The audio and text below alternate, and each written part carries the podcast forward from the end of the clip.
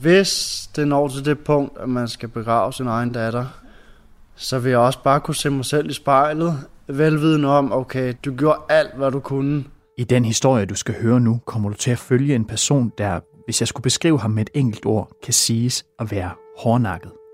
Den danske ordbog, den beskriver ordet på den her måde. Det, som kun vanskeligt lader sig undertrykke og forandre, som vedbliver at gøre sig gældende eller markere sig, som ikke vil give efter eller bøje sig, som er meget modstandsdygtig over for angreb, bekæmpelse eller lignende, eller som vidner om stor stedighed, beslutsomhed og mod, om kamp og modstand. Jamen, hvis jeg ikke gør noget og bare accepterer lægernes svar og følger det, de har sagt, jamen, så ved jeg også, jamen, hvis den dag kommer, jamen, så står jeg tilbage med en følelse af, altså, øh, hvor, hvorfor prøvede du ikke noget? Altså, du har jo ikke prøvet, du har ikke engang prøvet noget, og så vil jeg bare ikke kunne se mig selv i øjnene. Mit navn er Jais Snørgaard, og jeg er tilrettelægger på den Radio 4-reportage, du lytter til nu. Den hedder Alt for min datter, og det her er første del. Den handler om Martin Jensen. Jeg hedder Martin, og øh, ja, jeg er fra Rødovre, og jeg arbejder som tatovør. For tre år siden blev han far til en pige. Øhm, og min datter, hun hedder Isabella. Hun er født med en meget sjælden genfejl, som de fleste dør af allerede som spædbørn. Men Martin har ikke affundet sig med, at historien om Isabella skal være den om et liv, der sluttede for tidligt. Så han har startet en mission for at forhindre den skæbne. Han skal i løbet af historien få tusinder af danskere og nogle forskere fra den anden side af jorden til at hjælpe sig. Han kæmper nu for at få et mirakel til at ske, at han vil blive i stand til med videnskabens hjælp at kurere sin datter og gøre hende helt normal.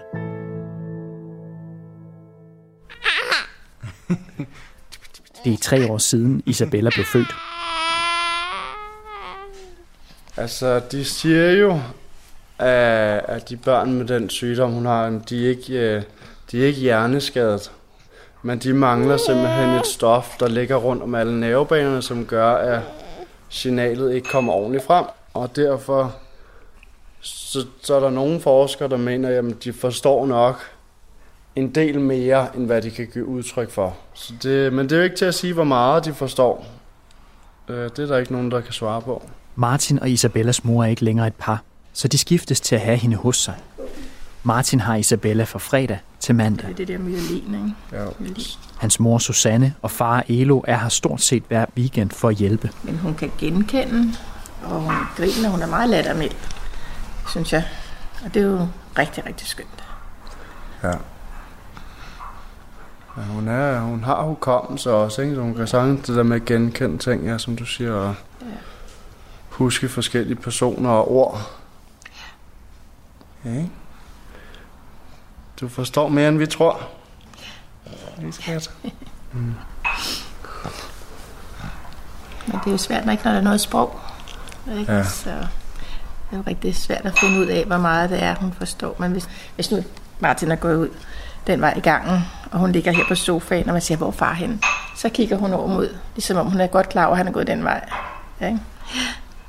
Ikke, hvor er far henne? Hvor er han? Ja, der var han jo. Martin er 31 år. Han er ikke særlig høj, men hans nakke er bred. Skuldrene og armene bærer præg af mange besøg i fitnesscenteret. Den her i hånden. Og så er han tatoveret over hele kroppen. Ud på hænderne og helt op på hovedet. Kun ansigtet er frit for blæk. Ja. Isabella har et tykt og mørkt krøllet hår, og hun smiler tit til Martin, når han sidder med hende. Han holder hende blidt i sine muskuløse arme, mens han sammen med sin mor giver hende mad. Lige nu, der, øh, der har hun fået sat slangen på sonden her, som sidder ind til mavesækken. Og så, øh, så er der så vand plus vitaminer og, og noget Movicol. Movicol, det er så... Ja, det er for maven, ikke? Så hun øh, nemmere kan komme af med det igen. Øhm, og det bliver så skudt ind gennem slangen. Og alle hendes madmåltider, dem får hun på samme måde som det der. Er det altid dig, der giver hende det? Altså, når vi er her og hjælper Martin, så holder han, og så giver jeg maden her. Så på den måde gør vi det. Ja, det er lidt nemmere. Det er virkelig... Det er meget krævende at have hende, have hende selv, ikke? Det er stort set en, en umulig opgave. Det. Ja. Hej, Belsen. Ja, er du lidt vand? Ja, du får lidt vand. Og det må heller ikke gå for stærkt, fordi hun har også meget... Øh, hun har reflux, altså det vil sige, hun har meget nemt ved at kaste op. Så sige, hvis hun får det for hurtigt, jamen, så kaster hun det bare op.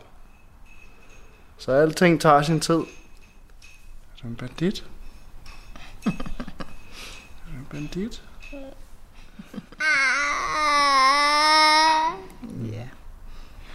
Du er så sød. Ikke også?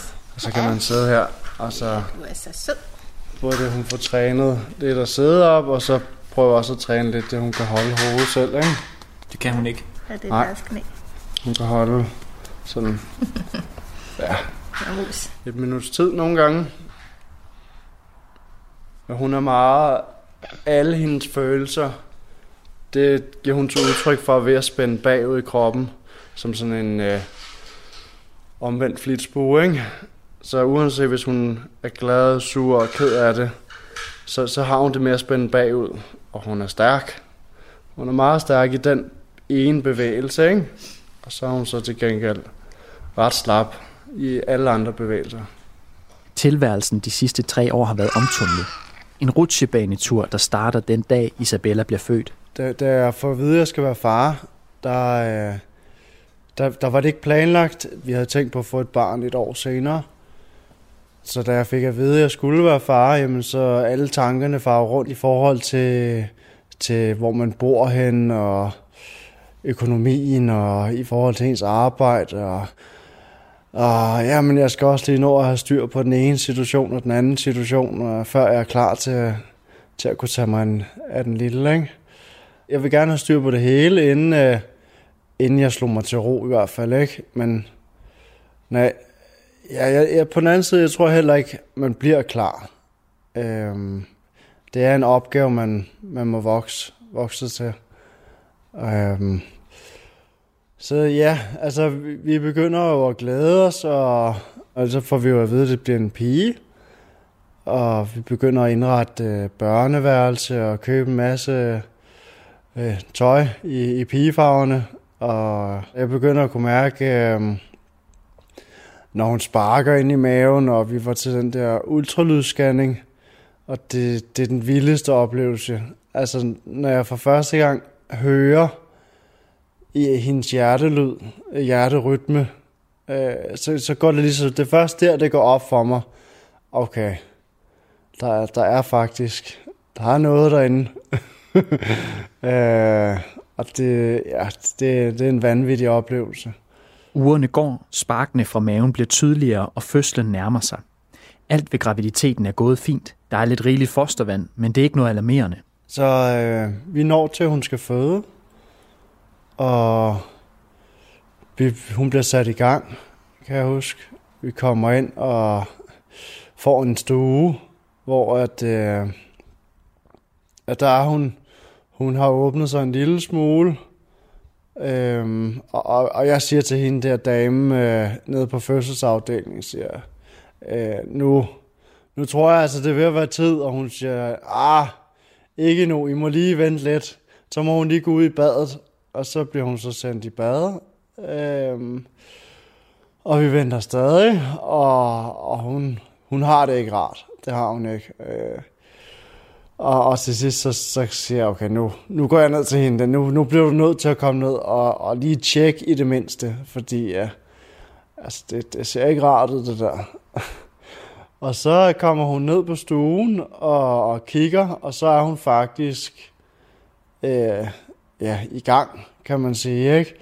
Så hun bliver simpelthen bare sat på den første kontorstol, og så løb de ellers ned med hende ned på stuen og kørt ind i væggene med den der kontorstol, og jeg løb efter, og det var et stort kaos.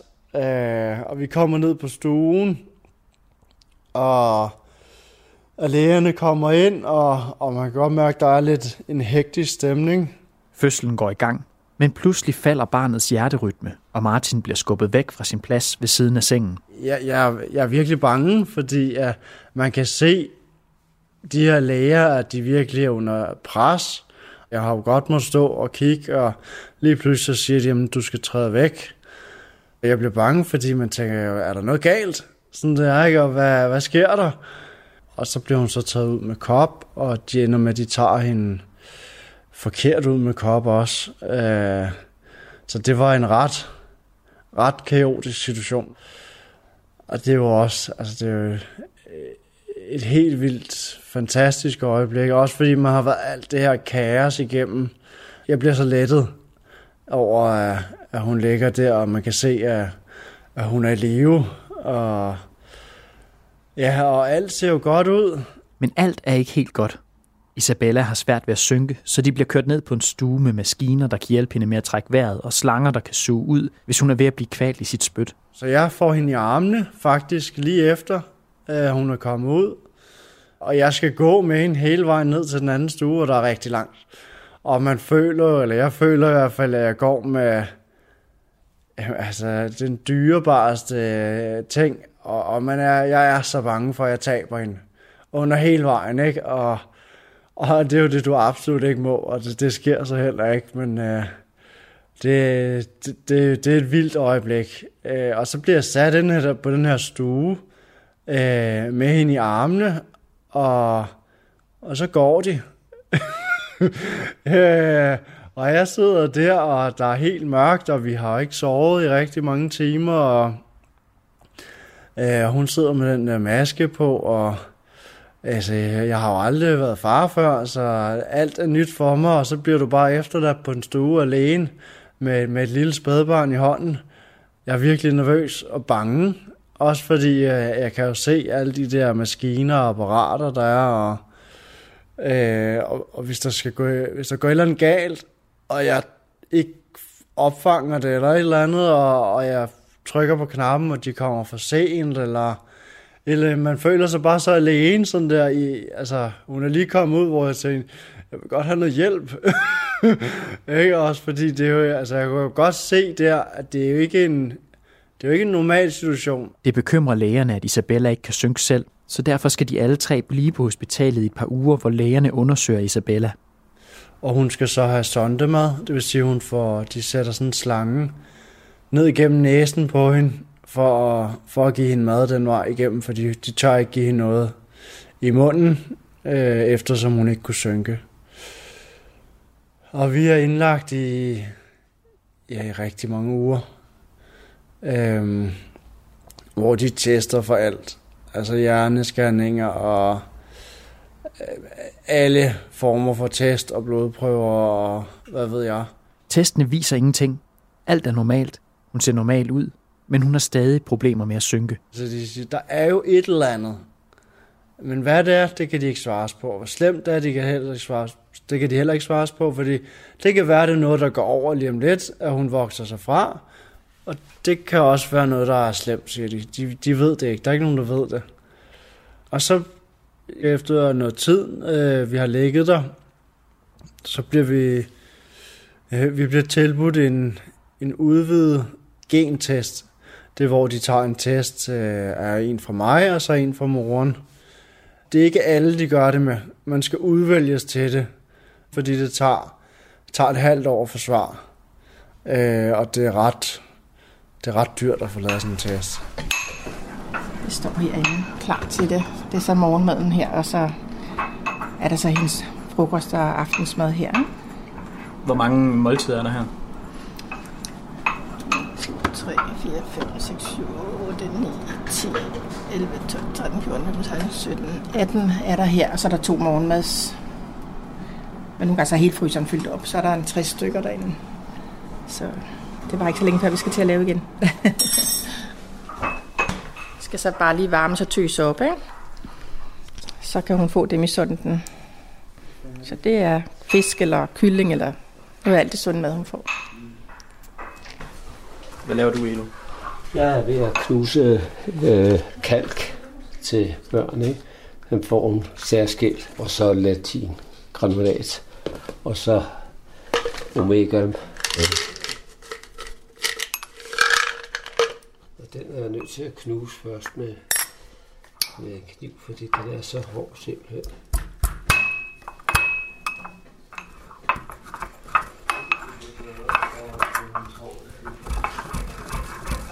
Det er en morter, jeg bruger.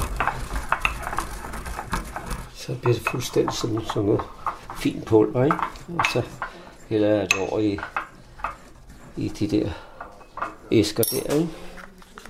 Det var torsdag. Så kører jeg den baglæns, så- så klar til hele ugen der, ikke? Og her laver vi så en pille. Så det skal, fordi hun kan jo ikke synke, så øh, skal hun jo have det igennem sonden, så er vi nødt til at opløse det i vand bagefter, ikke? Og så får hun det så ind i maven, ikke? I mavesækken, så... Så det er meget besværligt. så, men det skal jo gøres. Man kan godt lugte det, hva'? Ja, det kan man godt, ja. ja. Jeg synes ikke, det lugter godt, men det er sådan noget andet. det lugter sådan lidt sødligt i det, synes jeg. Sådan, øh. så. Men det er jo noget, der tager sin tid jo, at lave.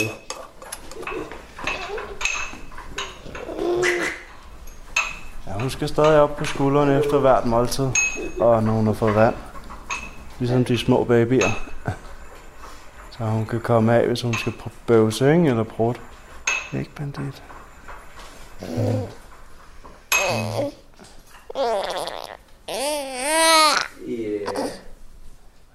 Martin og Isabellas mor får begge taget en blodprøve, som bliver sendt til et laboratorium. Et halvt år senere, da Isabella er ni måneder gammel, ringer telefonen. De har fået svar på prøven, og de vil gerne komme hjem til familien og forklare, hvad resultatet betyder. Der er jo gået ni måneder, og vi kan jo godt se, okay, altså hun har jo ikke udviklet sig 100%. Og det kan godt være, hun bare er bagud, og tingene kommer.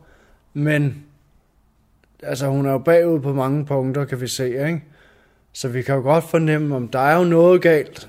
Hvad det er, det vidste vi ikke, og man håber jo, og jeg håber i hvert fald på, at det er bare, hun er sent, sent om at komme i gang, og det skal nok komme, ikke?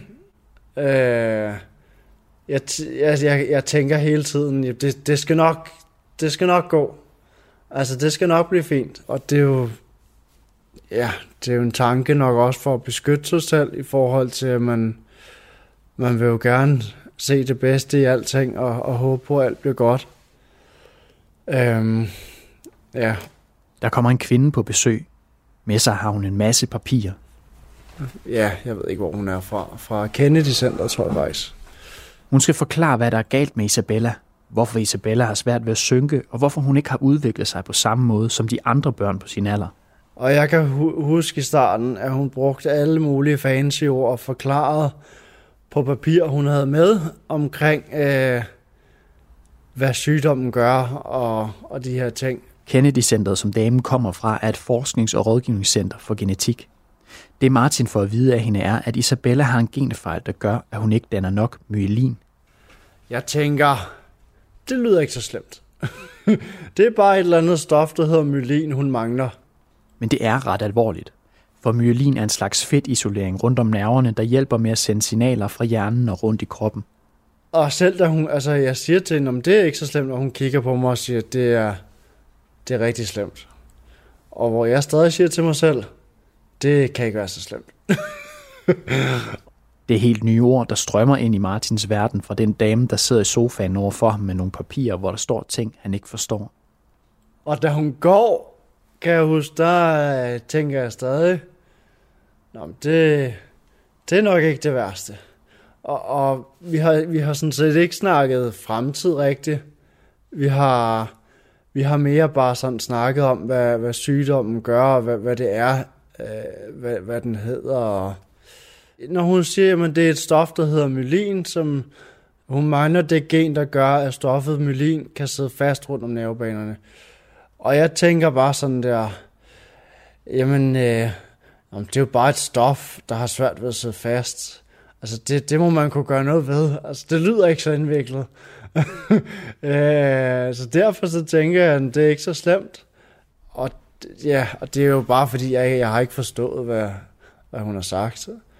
Jamen, så går der nogle dage, så ringer jeg til øh, vores sygeplejerske, vi har tilknyttet, og så, så spørger jeg hende, øh, jeg, jeg bliver nødt til at høre dig om noget i forhold til Isabella. Øh, nu er det ikke sådan, at når hun bliver ældre, at hun skal sidde i kørestol og sådan noget resten af livet. Og, hvor hun så svarer, øh, jo, at det, det skal vi nok forvente.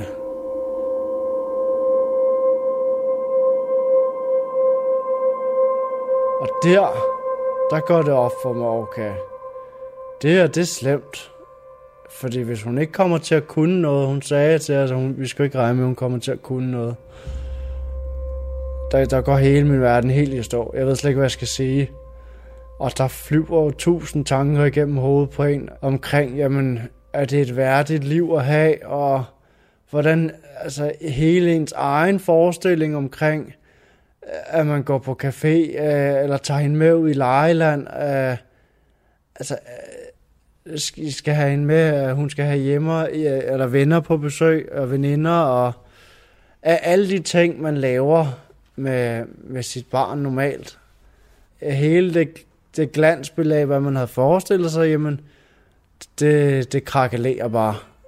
Og jeg var rigtig, rigtig langt ude lige de første par dage, altså i forhold til følelser og tanker, og altså jeg overvejede også, skal man selv begå selvmord, er det selv et liv værdigt, og er hendes liv værd at leve, og jamen altså, der går rigtig, rigtig, rigtig mange tanker igennem hovedet på en.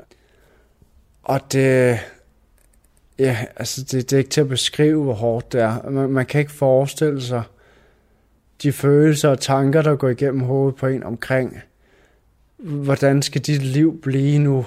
Altså skal du, øh, altså hele dit liv skal omlægges omkring, jamen øh, dit hjem skal indrettes anderledes i forhold til, jamen der skal kunne være kørestol, og øh, måske noget, at der skal være lift, og jamen, altså, der er så mange ting at tage hensyn til, og når man står i sådan en situation, øh, og har lige fået, øh, fået at vide, hvad min datter hun fejler, og for at vide, at det her det er, det, det er permanent, og der er ikke noget, du kan gøre ved det.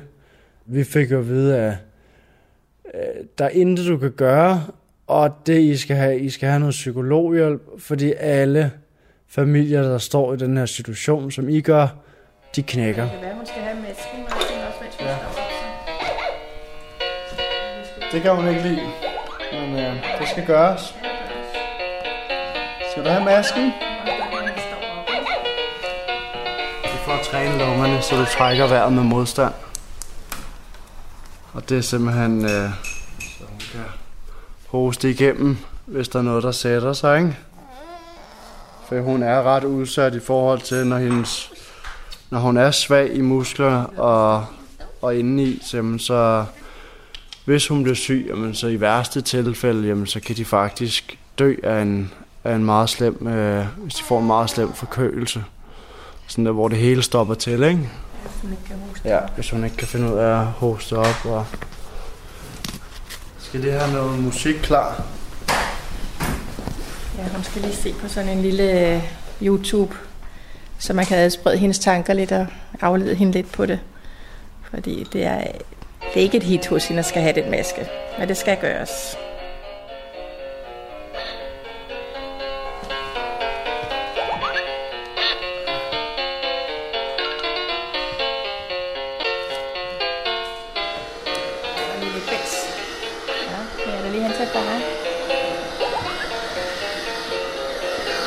Er det masken?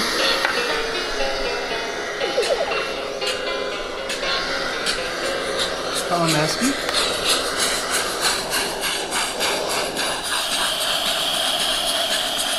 Ja. Kan du høre, der er musik?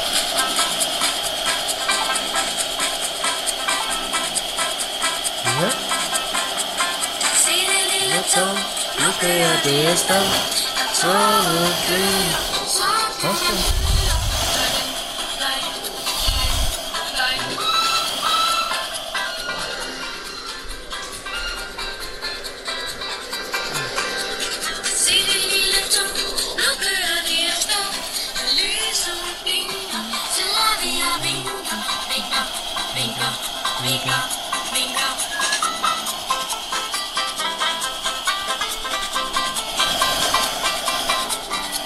Dygtig skat. Ja, du er dygtig. Ja, hoppa, hoppa, hoppa.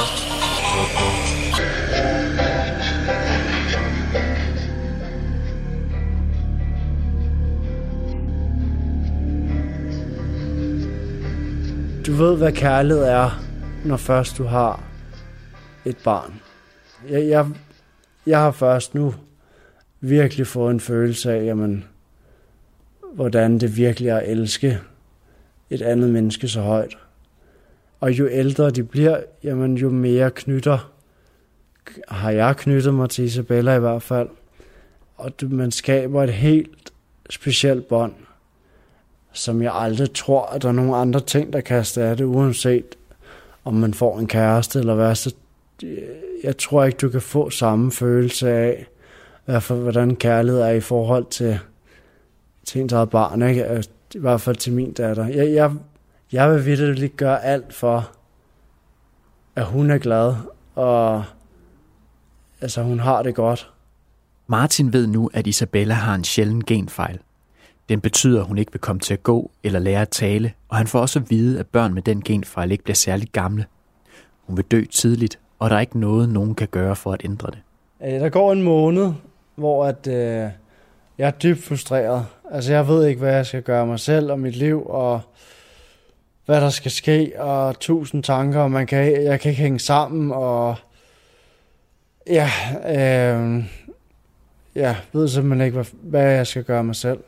Men inden i sig selv begynder Martin at føle trods.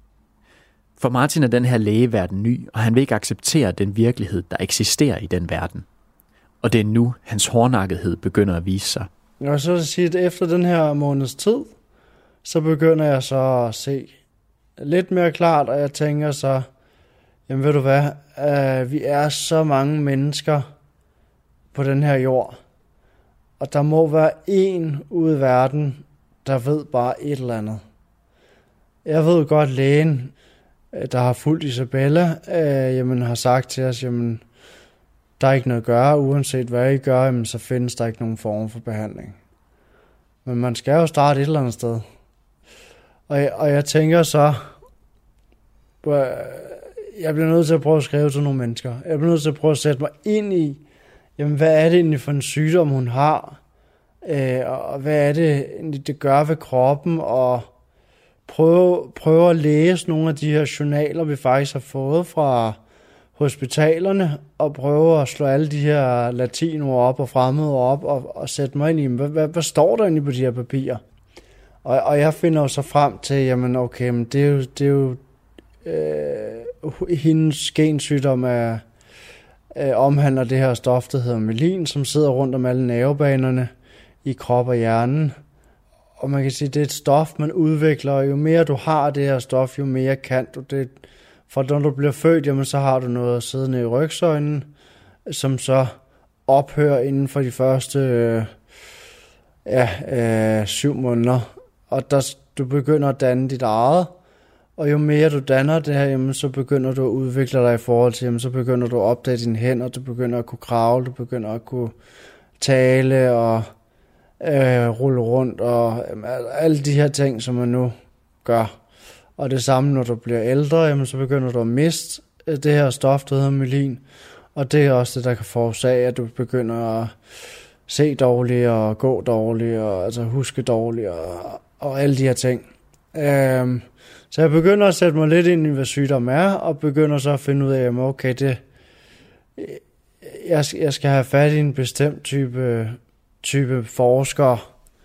Øh, for eksempel, det nytter ikke noget, jeg bare skriver til en øh, tarmspecialist omkring, øh, om han kan hjælpe mig omkring Isabellas øh, nervesygdom. Så Martin går i gang med at lede efter folk, der ved mere. Når han er fri fra sit arbejde, sidder han i timevis til langt ud på natten og tråler internettet igennem efter forskere, der måske ved noget. Og han sender mails. Hundredvis af mails til forskere i hele verden. Jeg tror, jeg kontakter omkring en 300 forskere. Øhm, jeg skriver en, en forholdsvis lang e-mail omkring, øh, min situation, og jeg er lige blevet, jeg er lige blevet far til den her dejlige pige, og hun har den her gensygdom kaldet CNTNAP1, øh, som er utrolig sjældent. Der er kun otte tilfælde i verden. Øhm, og, og forklare en lille smule om den, og, og håber, at de vil hjælpe, øh, fordi jeg har fået at vide, at, der ikke er noget, man kan gøre. De mange forskere er faktisk ret gode til at svare. Det er bare ikke de svar, Martin håbede på, der kommer. Altså, jeg tror måske 80 procent af dem rent faktisk svarer mig tilbage. Øhm, og, og de, de svarer jo, altså, hej Martin, øh, vi er rigtig kede af den situation, du står i, og, øh, men der er desværre ikke noget, øh, vi ved, du kan gøre. Øh, og når du får e-mail på e-mail på e-mail om, at der er ikke noget, du kan gøre, og ja, det samme svar, som lægen havde givet os, jamen så mister man jo lidt håbet. Men der er seks forskere, der vender tilbage med andre svar. De mener, der muligvis er noget, man kan gøre ved Isabellas genfejl. De giver Martin navnene på kolleger, der ved noget. Det er de her eksperter, Martin skal bruge. Som, som skaber det her lille håb. Øh, og igen, jamen, øh, jeg klamrer mig jo til håbet i håb om, jamen, øh, at man, eller jeg kan redde min datter, og, og, og vælger så at arbejde videre med de her seks personer. En af dem er en læge fra USA. Han hedder Pankaj Agrawal, og han er tilknyttet Harvard og ansat på Boston Children's Hospital, som er et kæmpe hospital med over 3.000 ansatte, og som flere gange er blevet kåret som det bedste børnehospital i USA. Han fortæller Martin, at det vil være muligt at lave et forskningsprojekt, der undersøger en behandling af Isabellas genfejl. Det lyder helt perfekt, men der er bare et problem. Han startede med at sige, at øh, selvom du gerne vil lave det her projekt, jamen så kan du ikke klare det ene mand. Altså det kræver en hel organisation at starte sådan noget, et behandlingsforløb op i forhold til at finde en, en behandling til en sygdom. Han sender Martin en liste over, hvad et projekt som det, Martin vil i gang med, kræver. Jeg skal finde de andre familier rundt i verden, og jeg skal finde øh, nogle forskere. Han nævnte noget forskere med speciale inden for genterapi, og jeg skal finde nogle forskere, der er speciale inden for, for nerve, øh, nervesygdomme. Og jeg skulle finde en, øh, en organisation også, og se om jeg kunne samarbejde med, at jeg skulle lave en hjemmeside. Og jeg skulle starte en, en fond. Jeg skal have en penge. Han siger, sådan et projekt, det, det koster rigtig mange penge øh, at få, få startet op. Øh, og det snakker vi så ikke lige mere om der. Og så tænker jeg igen, ja okay, man løber hele tiden ind mod en mur. Først så bliver Isabella født, og så kommer lægen som det første og siger, jamen hun har den her sygdom, der er ikke noget, jeg kan gøre. Så finder jeg så, okay, men jeg prøver selv at gøre en indsats. Så finder jeg frem til nogle mennesker, som faktisk mener, der er en smule håb, men de mener så ikke, at jeg kan klare det som en person. Så igen, så løber du ind mod en mur, hvor du tænker, skal jeg bare give op? Altså, altså der er Gud bare ikke med mig. er det for stort et projekt, jeg har kastet mig ud? Er det umuligt? Skal jeg bare give op? Skal han bare give op? Nej. Jeg bliver sgu nødt til at prøve at lave den liste. Og, og opfylde de punkter, han har skrevet. Og øhm, det, det går jeg bare i gang med. Jeg ved godt, han har skrevet til mig, at jeg ikke kunne klare det i en person, men jeg prøver at gå i gang. Martin begynder at krydse tingene af listen. Og det ender med, at jeg finder fem af de andre familier. Det var første punkt. Jeg får lavet en hjemmeside, Check. der forklarer omkring sygdommen, og får faktisk øh, de her fem andre børn ind på hjemmesiden også, og forklare, hvad for en mutation de har, og jeg får stiftet en, en forening. Og så mangler han bare eksperterne i genterapi. Genterapi det er en behandlingsform, hvor man faktisk ændrer på patientens gener. Hele genforskningsområdet har stor fokus i videnskabelige kredse, og mange ser det som det næste store skridt inden for behandling af sjældne sygdomme. Gennem genterapi kan man for eksempel sætte et rask gen ind i kroppen, og det nye gen skal så udføre den opgave, det defekte gen ikke kan. Og en del videnskabsfolk arbejder på at forfine en metode, hvor man kan være i stand til at klippe det dårlige gen helt ud og erstatte det med et nyt. Nu ved Martin, at det er forskere, der er eksperter i den form for teknologi, han skal have fat i. Og heldigvis for ham har han nu øvelse i, hvordan man skal få dem i tale. For han har prøvet det 100 gange før. Og jeg finder frem til nogle forskere med speciale inden for de ting, der faktisk har lyst til at samarbejde om det her projekt. Øh, hvor de siger, at de vil gerne gå med ind i det, hvis, hvis jeg ligesom har nogle andre forskere, der vil tage hovedopgaven. Ikke? Han vender tilbage til Pankaj Agrawal fra Boston Children's Hospital. Og siger, ved du jeg har faktisk klaret alle dine ting, at der var, jeg var gået et par måneder. Og så var han helt, han var helt overrasket og siger, okay Martin, hvis du har det her drive, øh, du har, så vil jeg gerne tage øh, opgaven på mig og stå i spidsen for det her projekt. Øh, jeg får en overvældende følelse af lykke om, okay, jamen nu har vi faktisk, nu er vi første skridt omkring, nu er der faktisk rent faktisk nogle forskere, som har sagt ja til at gå i gang med det her projekt, øh, som har lyst til at hjælpe mig, øh, og som mener, der er et håb. Og det, det får jo ens lyst altså he- helt vildt mange gange op. Øhm, og meget mere at gå på mod. Øhm, så nu har vi ligesom sat grundstenene for, jamen okay, nu har jeg ordnet de her punkter, han, han har bedt mig om, og vi har ligesom fået samlet nogle forskellige forskere, der faktisk har sagt ja til, at de gerne vil byde ind med nogle ting, og lave en plan for, hvordan vi skal løse den her opgave. Men der var jo lige et af punkterne, de ikke fik snakket mere om, da Pankaj Agrawal forklarede Martin, hvad der skal til for at stable et forskningsprojekt på benene. Og så, og så siger øh, ham forskeren så til mig, at vi skal have samlet nogle penge ind. Jeg skal nok regne med et projekt, som det her kommer til at løbe op i en million dollars. Og så kan jeg, jeg, jeg er målløs. Det- Da jeg åbner den e-mail og får at vide, at jeg skal samle en million dollars sammen, jeg tager mig bare til hovedet og siger, det, det, det, kan, jeg- det kan jeg aldrig. Jeg kan aldrig nogensinde samle en million dollars sammen. Altså, hvordan skal jeg nogensinde finde øh, næsten 7 millioner? Så igen står jeg med en følelse af, okay, men skal jeg bare skrive til ham, at det, det kan jeg ikke lade sig gøre, og jeg bliver nødt til at, at, at opgive. Og, og så, så går der lige en dag eller to, og så, så tænker jeg, jeg, bliver- jeg bliver nødt til at prøve. Jeg bliver nødt til at starte et sted, Kuppe. Åh, oh, ja. Altså, ja, laver du ballade? Hvor mus laver du ballade? Skal du lidt over i boldbassinet? Og bedst.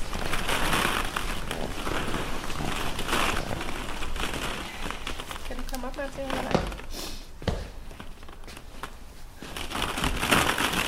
Kan du høre det? Okay. Jeg skal ned til alle boldene her. Snart forstår til, hvad det her. Martin sidder som en tatoveret Buddha i et bassin, der er alt for lille til ham. Okay, vil du vil komme ned til boldene? På fingrene på hans højre hånd har han tatoveret ordet hate. Er det? På fingrene på den venstre hånd står der love. Er det? Er det alle boldene? Bassinet er fyldt med farvede bolde, ligesom den slags børn tumler rundt i i legerum på fastfood-restauranter eller i lejeland. Kan vi fange en? Hans knæ stikker ud over siderne. Fange en til dig? Han har Isabella liggende på skødet. Bedsteforældrene sidder helt tæt ved bassinet og kigger på hende med ømme blikke. Hun smiler. Det kan være, du vil lave det der. Du laver altid noget sjovt, når hun synes, der er så skidt. Det er du er så god til. Og farfar på banen. Er du klar? ja. Ja, hvem det?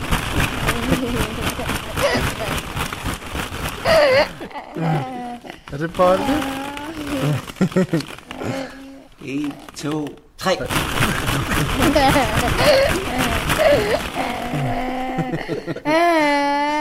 Ja, det er sjovt. For at drømmen om et forskningsprojekt, der måske kan redde Isabella, kan blive til noget, skal Martin bruge 1 million dollars til forskerne i USA. Det virker som en umulig opgave at få fat på det beløb. Til en start skal de bruge 124.000 dollars for at komme i gang. Men det er stadig omkring 800.000 kroner. Hvordan skaffer man så mange penge? Er du klar? En, to, tre.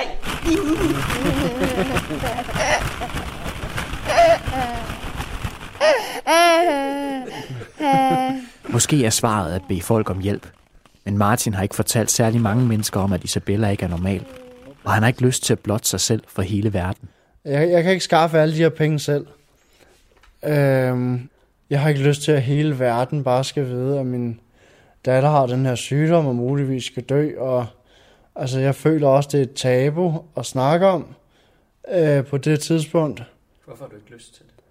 Jamen, der er så mange følelser involveret, og, og jeg tænker også, jamen, hvad tænker andre så om mig øh, i forhold til, nej, jamen, øh, altså, hvad vil folk sige, og det er jo noget åndssvagt noget at tænke, jeg kan være fuldstændig ligeglad, hvad de tænker, men det gør man, og det gør jeg. Øh, Så han prøver at finde andre muligheder end at lave en indsamling. Men han finder hurtigt ud af, at det ikke er muligt at skaffe penge på andre måder. Jeg starter faktisk med at skrive til en masse fonde rundt omkring, øh, for at spørge, om de har lyst til at hjælpe mig med at samle de eller donere de her penge. Øh, og og jeg er så uheldig. Jeg, jeg søger selvfølgelig under fonde, der støtter øh, formål som de her. Men lige præcis i Isabellas tilfælde, så falder hun ud fra alle kategorier. Det vil sige, Isabella er den eneste i Danmark, der har sygdommen. Det er den ene kategori, hun falder uden for. Mange af de her fonde, de støtter kun, hvis det påvirker flere børn i Danmark. Nummer to øh, punkt, at hun falder ud for kategori, det er, at selve forskningen, hvor at de vil arbejde på den her sygdom, den foregår i udlandet. Hvor at de andre fonde, der støtter sygdomsprojektet, de støtter kun, hvis forskningen foregår i Danmark. Så igen, så sidder jeg med en følelse af at være helt alene om det her projekt. Der er ikke nogen, der har lyst til at hjælpe. Øh, og hvor man bare tænker, jamen, altså, kan, kan det virkelig være rigtigt, at man er, er i et land som Danmark, og der er bare ikke nogen, der har, der kan hjælpe mig. øh, så det er jo igen et nederlag at få, at jeg søger alle de her fonde og får afslag på afslag. Så for lige at opsummere. Da Isabella bliver født, er der noget galt. Men lægerne kan først ikke finde ud af, hvad det er. Det viser sig, at hun har en sjælden genfejl, som betyder, at hun ikke vil blive særlig gammel, og man kan ikke gøre noget ved det, for at hun skal få det bedre. Det vil Martin ikke finde sig i, så han leder på nettet efter eksperter, der kan hjælpe. Han finder nogen, der er optimistiske. Men før de kan hjælpe og lave et forskningsprojekt, skal han finde andre familier med børn med samme sjældne genfejl. Han skal lave en hjemmeside og stifte en fond. Han klarer alle de ting, men får så at vide, at han skal skaffe i omegnen af 1 million dollars. Og de fonde, han søger i Danmark, kan ikke hjælpe, fordi Isabellas sygdom er for sjælden. Der er så mange gange, han burde være blevet slået hjem, men det bliver han bare ikke. Heller ikke denne gang. Så jeg er tilbage til, at jeg må finde ud af, jamen, okay, men hvis der ikke er nogen fonde, der vil støtte mig, jamen, øh, så bliver jeg nødt til at fortælle min historie.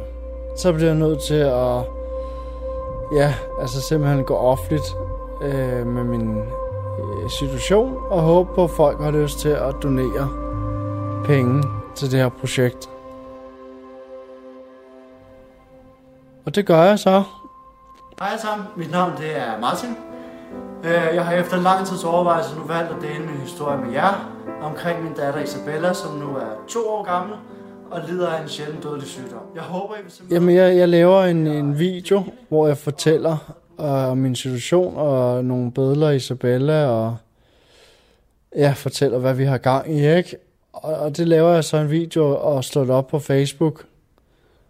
Og jeg har også så mange naver inden, også i forhold til, en ting er, at man skal gå offentligt med det og dele sin historie med hele Danmark. En anden ting er så, jamen, hvordan tager folk imod det? Vil folk bare ignorere det og så sige, Nå, det var sgu da synd for ham. Og så står man bare der og har, altså, hvad kan man sige, åbnet sig for alle og får ikke noget ud af det. Og, og så muligvis igen sidder tilbage med en følelse af, af magtesløshed. Der går ikke særlig lang tid, så sker der noget. Et like, en deling, og så eksploderer det. Det går øh, vanvittigt godt. Og det bliver jo delt. Jeg kan ikke huske, hvor mange gange det bliver delt. 2500 gange eller et eller andet. Og folk donerer også. Jeg tror alene, på den første video, jeg lavede øh, blev der doneret af ja, øh, 100, 150.000 eller et eller andet. Og, og i og med, at der er så mange, der tager godt imod det, jamen så, øh, så har jeg lyst til at gøre endnu mere og få kampgejsten op igen. Og jeg, og jeg opretter så en side på Facebook, som øh, har til formål med at få en masse medlemmer ind på siden, og, og derved sprede, sprede budskabet endnu mere, og håbe på, at vi kan få samlet endnu mere sammen.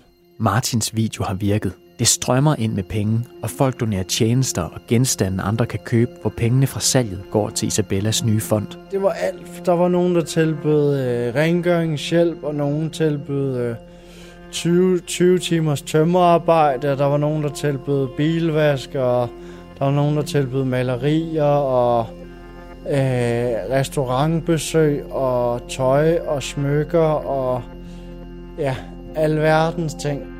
Facebook-gruppen vokser og kommer op på knap 20.000 medlemmer. Folk i gruppen donerer beløb af forskellige størrelse og sender screenshots af, at de har overført pengene på MobilePay, og det begynder at løbe op. Jamen, det er så rørende, og folk skriver jo, og det, det er virkelig overvældende, hvor godt folk tager imod det her. Jeg er vanvittig glad, og vi får lavet et arrangement også med, nu er jeg jo tatovør, så jeg har en masse kollegaer inden for samme branche. Øh, og vi laver også en eventdag, hvor vi tatoverer, og så alle pengene, der bliver tatoveret for, jamen de går også til, til det her forskningsprojekt, hvor vi fik samlet øh, 100, 190.000 sammen, kun på den, den ene dag, ikke? Øhm, så det var også vanvittigt flot at se, hvor mange af ens kollegaer, der faktisk har lyst til at bruge hvad kan man sige, en arbejdsdag at tage ud af kalenderen og, og donere hele deres omsætning. Ikke? Det har virket at spørge om hjælp. Han ender med at nå målet, og det går ret hurtigt. Og selvom vi rammer målet, jamen, så fortsætter folk stadig med at donere nogle penge. Øh, så vi løber næsten op på ja, øh, en million kroner. Øhm, og det er jo det er jo vildt fedt at se Danmark, altså at, at der er så stor opbakning, og, og, og man kan hjælpe andre borgere, ikke? Øh, som altså, mange af dem, de kender mig overhovedet ikke jo. Og alligevel så vælger de at, at donere nogle penge til, til mig og min datter, ikke?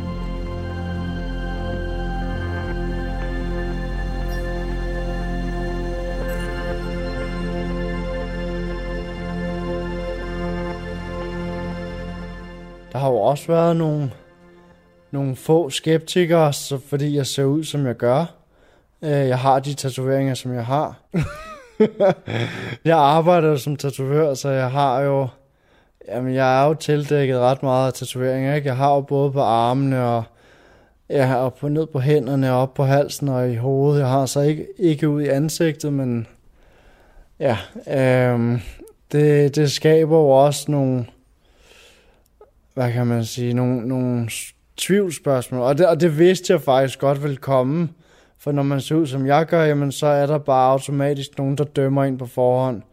Øh, det har heldigvis været minimalt. Virkelig minimalt.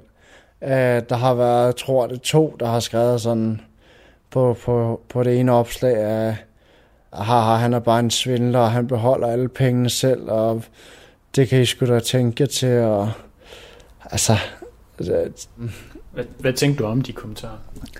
Jamen, jeg tænkte, de var nogle fucking idioter. Ej, jeg tænkte, de var... Jamen, jeg ved ikke engang, hvad jeg skal tænke om sådan nogle mennesker. Altså igen, jeg havde lidt set den komme. Øh, jeg synes også bare, at det er respektløst af fremmede mennesker, der ikke engang gider at bruge lidt tid på at egentlig prøve at lave lidt øh, for, forundersøgelse omkring, okay, jamen, er det faktisk reelt, at han står i den situation, eller er det bare et stort svindelnummer, ikke? Det er jo, ja, man må bare håbe, at din dag ikke selv står i samme situation og har brug for hjælp. Du, du får skaffet op omkring en million. Hvad gør du så? Jamen, når jeg har skaffet de her penge, så, øh, så sender jeg dem afsted til, til Boston Children's Hospital som jeg har aftalt med i forhold til, det er dem, som har taget hovedopgaven og valgt at stå i spidsen for det her projekt. Øhm, og, og det er ligesom dem, der har sagt, jamen første delmål her, jamen det, det er dem, de skulle bruge for at sætte alt det her i gang og, og komme i gang. Så de, så de får den første overførsel.